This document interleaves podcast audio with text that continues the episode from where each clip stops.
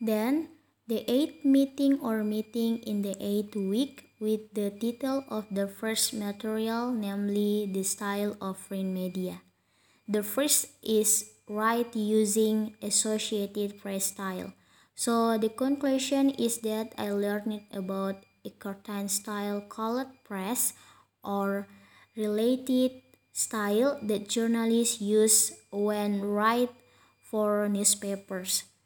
The style covers many things so to know the style or associated press we will know some important parts of using this associated press style. Namely there are three parts of uh, style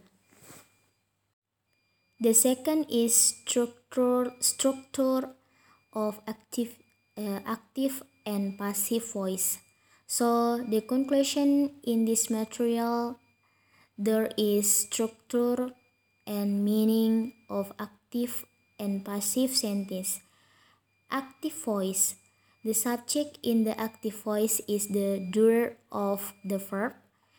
The structure is subject plus verb plus object or if needed.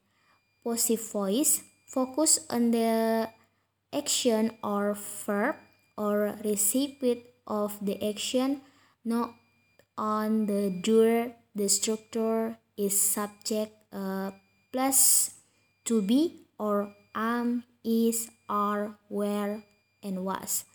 Plus past participle. Associated press style. Uh, the first capitalization.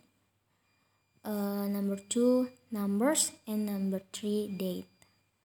Next is use of active and passive voice. The conclusion is so this material explain when and why we use active and passive voice. The first is active voice. Most of time of the time we use active voice because it is simple and short. Use the active voice in most cases except these goals or also what shall be actively mm, with a what, uh, what should be actively used. So, uh, as often as possible, when the door door of the verb is important, then uh, next when uh, to use a passive one number one focus on the recipient or action not the doer of the verbs or neither. Number two, we can figure out who the cup uh, the cult culprit is from the information in the rest of the sentence and therefore uh, there is no need to name the culprit or uh, culprit at all. Next is reporting accurately. So, in conclusion, in this topic, the material is supporting a story uh, accurately.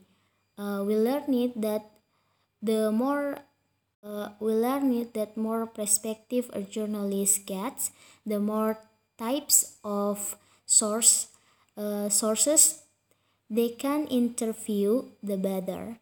If they can find on source that uh, corroborates a story over other, they are more likely to find and therefore write the truth. Next is reporting an article.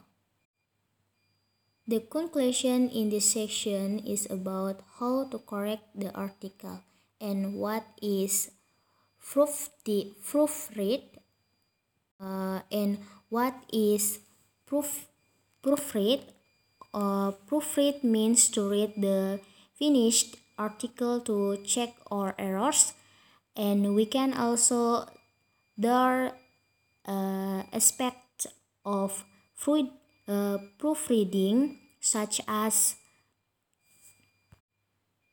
punctuation, comma, period, apostrophe, colon, uh, colon, and next capitalization, and the last spelling.